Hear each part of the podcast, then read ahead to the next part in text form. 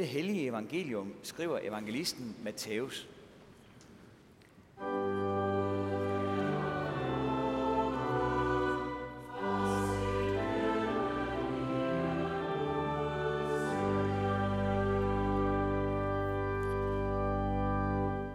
Jesus sagde, der skal himmeriget ligne ti brudepiger, som tog deres lamper og gik ud for at møde brudgommen.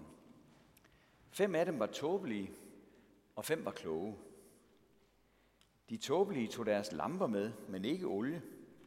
De kloge tog både deres lamper med og olie i deres kander. Da brudgommen lod vente på sig, blev de alle sammen døsige og faldt i søvn. Men ved midnat lød råbet, Brudgommen kommer. Gå ud og mød ham. Da vågnede alle pigerne og gjorde deres lamper i stand.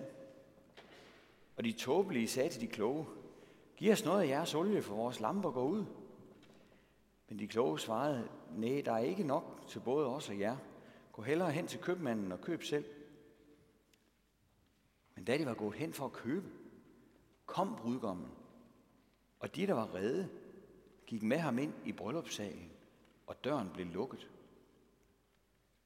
Siden kom også de andre piger og sagde, Herre, herre, luk os ind.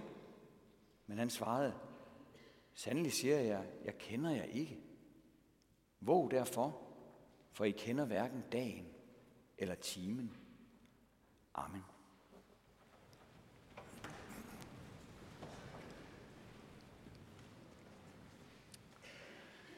I dag skal vi en tur til Indonesien til at begynde med, til øen Komodo, øst for Bali. Her finder vi verdens største øjle, Komodovaranen, som vi har et billede af her. Sådan et dyr er både fascinerende og skræmmende. Det kan veje over 150 kilo og blive mere end 3 meter langt. Komodovaranen er farlig både for dyr og mennesker – vi nøjes med billedet her af den i dag, for jeg kan ikke få mig selv til at vise en film, jeg har set en gang, om hvordan den fanger sit bytte. Det er simpelthen ikke til at holde ud og se på. På øen der findes der nogle små, fine hjorte, omtrent som vores rådyr. Og dem ligger kæmpe øjlen på lur efter. Jan, kan du ikke lige tage lidt af mikrofonen? Jeg synes, det runger sådan. Øh, dem ligger den her store øjle på lur efter. Og mens sådan en hjort går og græsser fredeligt, så springer øjlen pludselig frem og brækker benene på den. Spyttet inde i øjlens skab er endda giftigt, så bidet lammer det her arme dyr. Redslen lyser ud af øjnene på sådan en lille hjort, når den er blevet bidt. Og så begynder den at vakle rundt i nogle dage. Så kan den ikke mere, så lægger den sig. Og så kommer øjlen og æder den. Sådan en stor ægel øjle, der overfalder både dyr og mennesker, hvis den kan komme afsted med det. En slags manifestation af ondskaben. Et eksempel på, at der simpelthen er noget galt med den her verden, vi lever i. Det kan ikke passe, at hjorte blev revet i stumper og stykker, dengang da Gud så på alt, hvad han havde skabt, og så, at det var godt. Sådan står der i skabelsesberetningen. Der må simpelthen være sket noget ondt i verden i mellemtiden. Og det får vi netop også at vide i vores Bibel, at der er. Ondskab og lidelse, død og angst er først kommet ind senere. Det var den første generation af mennesker, der lukkede det ind i verden. Det skete, da de valgte at lytte til, til Guds modstander. Katastrofen kom til at præge hele skaberværket dem selv inklusive. Det var som om de selv var blevet bidt af noget, som om de havde fået en gift i blodet. Og det er jo et dystert udgangspunkt, lige så dystert som denne her mørke nat, som brudepigerne venter i, i den historie, som Jesus fortæller. Men der er altså nogen, der har fået et lys i hånden, der i mørket. De venter på en, der skal komme. De er på vej til bryllup, og de har fået en ærefuld funktion i samme forbindelse. Efter tidens skik, der skulle de vente på brudgommen og gå i optog sammen med ham, når han kom. Så skulle de gå ind til festen sammen med ham med lygterne tændt. Festen i historien er et billede på den nye verden, som Gud vil skabe, når Jesus kommer igen en dag. En verden, der simpelthen overgår vores øh, forestillingsevne, og som vi bare får nogle små glimt af. Små glimt, fordi vi ikke kan rumme det hele. Guds ord må nøjes med at give os nogle små bidder, som vi kan forholde os til. Vi hørte om denne her nye dejlige verden, hvor livet skal være en fest, i teksten fra Esajas, som Karen læste lige før. Det er en meget anderledes verden. En verden, hvor ulven skal bo sammen med lammet. Altså rovdyr og byttedyr skal gå op og ned af hinanden og have det fint med hinanden. Kalven og ungløven skal græsse sammen. Og spædbarnet skal lege ved slangens hule, eller ved øjlens hul, som det også kan oversættes. I den verden, der venter, der skal der i det hele taget ikke være noget eller nogen, der volder ondt eller ødelæggelse. Hørte vi? Sådan en verden kender vi ikke. Nej, det gør vi ikke, fordi det er nemlig verden sådan, som den var i begyndelsen. Da Gud sagde, at den var god, kun god. Det er verden før den store afsporing. Verden, som verden skulle være. Som den var engang, og som den igen skal blive. Nemlig på den dag, hvor Gud skaber en ny himmel og en ny jord. Så pigerne med lamperne i den mørke nat, som Jesus fortæller om, er altså et billede på alle dem, der har hørt om den nye jord, og om Jesus, der vil skaffe os adgang til den, når vi tror på ham og følges med ham. Disse mennesker befinder sig stadig i natten. De sidder i mørke. Men de sidder ikke som mennesker uden håb. De har et håb. De sidder ikke som nogen, der ikke har noget mål. De er på vej et sted hen. Og hver især har de den fineste lille lampe i hånden. Pigernes opgave i historien er nem. De skal følges med ham, der vil føre dem ind til festen. Ikke andet. Faktisk en enkel opgave. Det vanskelige består ikke i at gå med, men det svære er ventetiden, der går forud. Her er der meget, der kan gå galt. Vi befinder os midt i adventstiden nu. Advent er jo et flot gammelt ord på latin. Det betyder det samme som det, der står øverst på skærmen nede på banegården. Ankomst. Vi har fået adventstiden som hjælp til at huske på, at der er en, der gør sin entré her på jorden en dag. Han har været her før. Dengang var det først som et lille hjælpeløst barn, senere som en simpel fattig skikkelse i udtrådte salnaler. Og han gjorde sit indtog i landets hovedstad på, en æsel, på et æsel. Det var meget beskedent alt sammen. Han var opfyldelsen af de gamle profetier om en frelser – en messias fra Gud, der skulle komme ganske ydmygt. Han kom til et brutalt samfund i det brutale romerige. Her var han en stor kontrast. Han førte sig ikke frem med vold og magt, men med stor ydmyghed og omsorg og kærlighed. Han tog sig af mennesker. Han inviterede og sagde, kom til mig, alle I, som er trætte og bærer tunge byrder så vil jeg give jer hvile, sagde han. Han var et lys i mørket. De, der sad i mørke og dødens skygge, fik et stort lys at se. Han viste det lys i glimt. Enkelte døde gjorde han levende. Der var ingen tvivl om, at de var døde. Nu bliver der lige så lidt tvivl om, at de var levende. Enkelte syge gjorde han raske. Folk, som lægerne betegnede som håbløse tilfælde. Øh, der var nogle håbløse mennesker, som han gav håb. Han tilgav sønder. Det er kun Gud, der kan gøre det. Og det gjorde han så. Lyset var kommet til verden. Han var det sande lys. Jesus, bare hans navn. Det betyder, Gud frelser. Og det gjorde Gud gennem ham. Han var Gud på jorden. Han var Gud i øjenhøjde. Som ikke var kommet for at dømme verden, men for at verden skulle frelses ved ham. Og dog endte den her periode, hvor han gik synligt omkring på den mærkeligste måde. Han blev myrdet, endda efter at have forudset det selv og talt om det. Og bagefter stod han op fra de døde, vandt over døden. Og det hele på sådan en mærkelig, afdæmpet og nænsom façon, hvor han hele vejen igennem inviterede mennesker til at tro på ham, til at følges med ham. Og så sendte han disciplene ud i verden for at fortælle om det hele. Fortælle, hvad de har set og hørt. Og det er fortsat lige siden, lige til dagen i dag, hvor vi sidder her i, i en lille kirke nede i Kolding og hører evangeliet. Men en dag skal han vende tilbage til jorden igen. Han skal komme for at dømme levende og døde, som vi sagde det i trosbekendelsen, da Karoline blev døbt.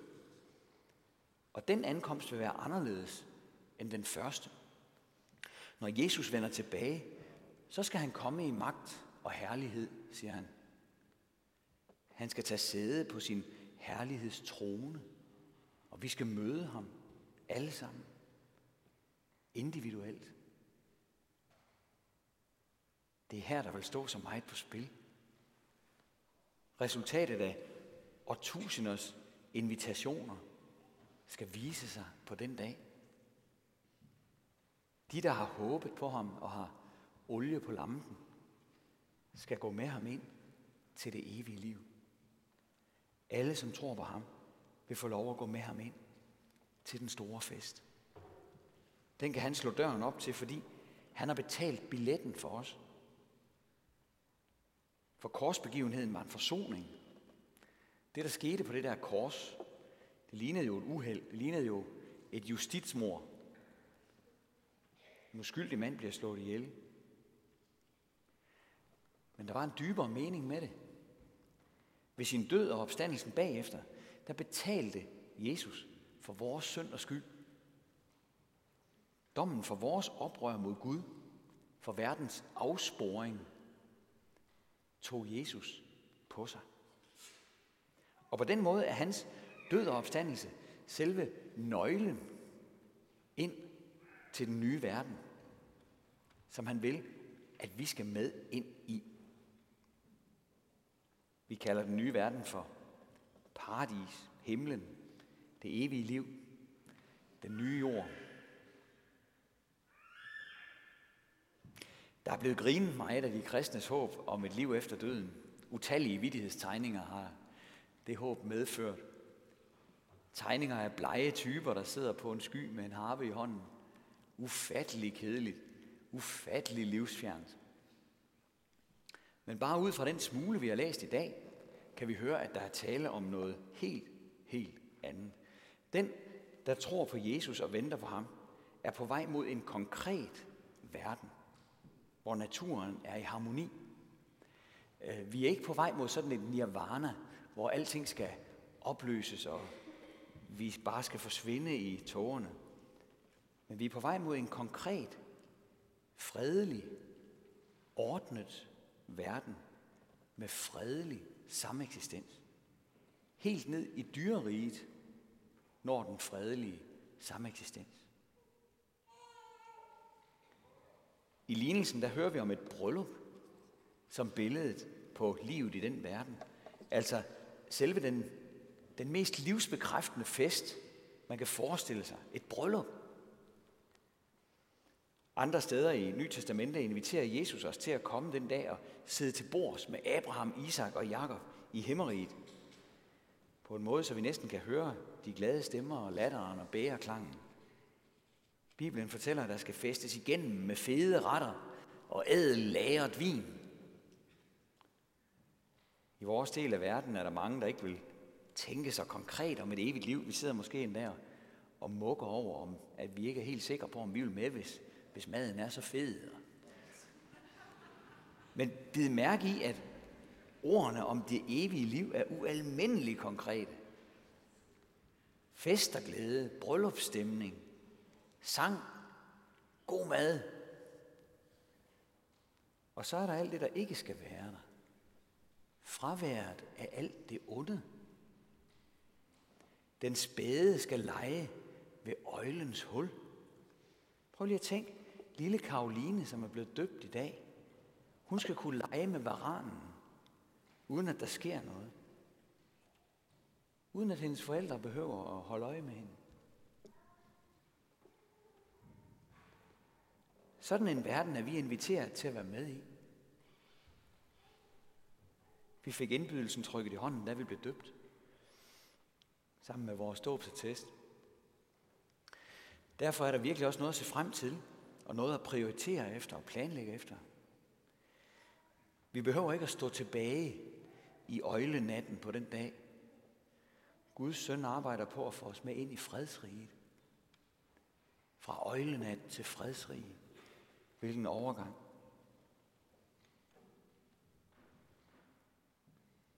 Og i dagens fortælling, der zoomer han ind på ventetiden og forberedelsen. Nemlig den fase, som vi lever i lige nu. Brudepigerne vidste ikke, hvornår brudgommen kom. Vi ved heller ikke, hvornår Jesus kommer tilbage til jorden. Det er ikke afsløret. Og derfor må vi holde os parate til at tage imod ham og gå med ham, når han dukker op. Den flamme, der blev tændt i dåben, den må passes, den må have næring, hvis den skal blive ved med at brænde. Den skal fyldes på løbende. Før gudstjenesten startede, der tog Jan Kirketjener olielampen op af alderlyset. De tror, det er fire sterinlys, men det er fire olielamper i virkeligheden.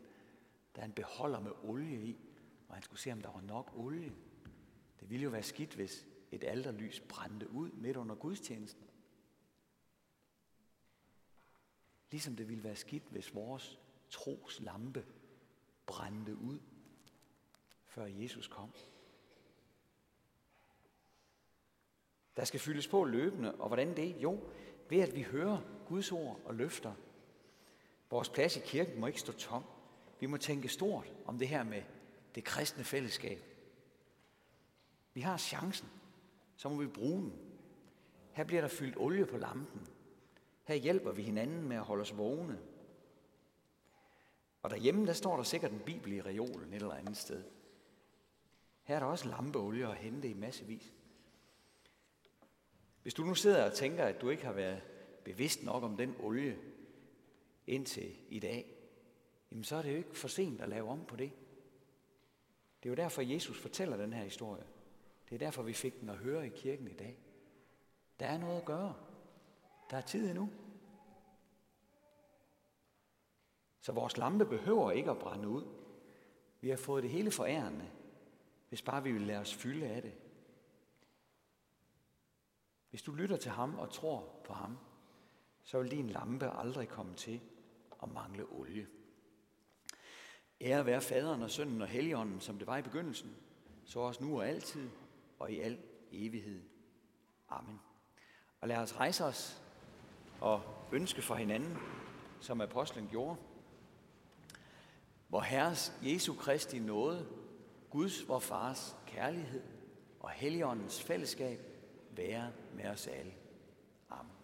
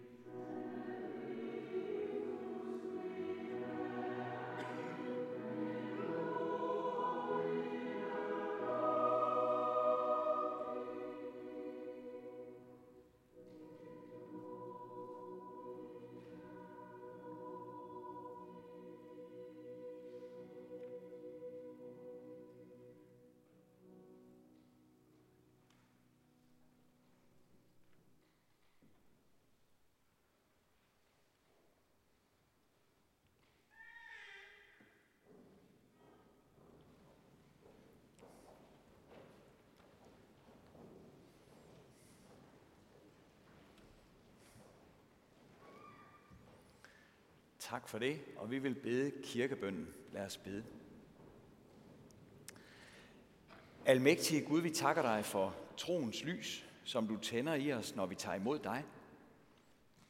Vi beder for alle kristne ud over jorden. Vær hos os med opstandelsens kraft. Giv os mod og frimodighed til at bekende troen i ord og gerning. Styrk vores lidende og forfulgte medkristne. Vær nær hos vores venskabsmenighed i Mista i Ægypten, og hold din hånd over vores kristne brødre og søstre verden over, som forfølges. Kald ledere frem, som kan skabe fred i de usikre lande. Vi beder for den danske kirke, forbarm dig over os, send vækkelse og fornyelse ind over os. Hjælp os at holde fast ved dit ord, både når det er populært og når det ikke er. Giv dine tjenere at tale dit ord med fuld frimodighed. Væk menighederne og deres ledere med din ånd og kraft. Giv dem og os alle ærefrygt for dit ord. Det beder vi om.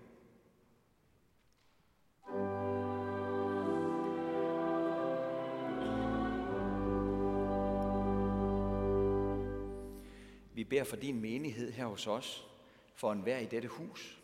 Vi beder for konfirmanderne og deres familier, for menighedens arbejdsgrene. Lad der altid på dette sted findes en menighed, der vil lovsynge og tilbede dig og stille sig til rådighed for dig blandt mennesker. Vi beder for alle, der forkynder evangeliet herhjemme og i udlandet. Send flere arbejdere ud til din høst, at mennesker må føres ind i dit lys. Vi beder for vort land Danmark, vi beder for dronning Margrethe og hendes familie, for vores politikere på Christiansborg og på Rådhuset, for domstolene, politiet, medierne og forsvaret. Lad dem udgøre et værn mod uretten og være en hjælp for alle i landet. Vi beder også for de udsendte soldater, stands terrorisme og ondskab. Tag hånd om enhver i dette sovn. Vi beder for familierne og de enlige. Vi beder for de ufødte børn og deres forældre, for børn og unge under deres opvækst, for skoler, børnehaver og andre institutioner, for hjemmene og dem, der er hjemløse. Forbarm dig over de fattige og over de rige, de tvivlende og anfægtede. Vi beder også for alle, som spotter og fornægter dig, at din kærlighed må nå dem. Det beder vi om.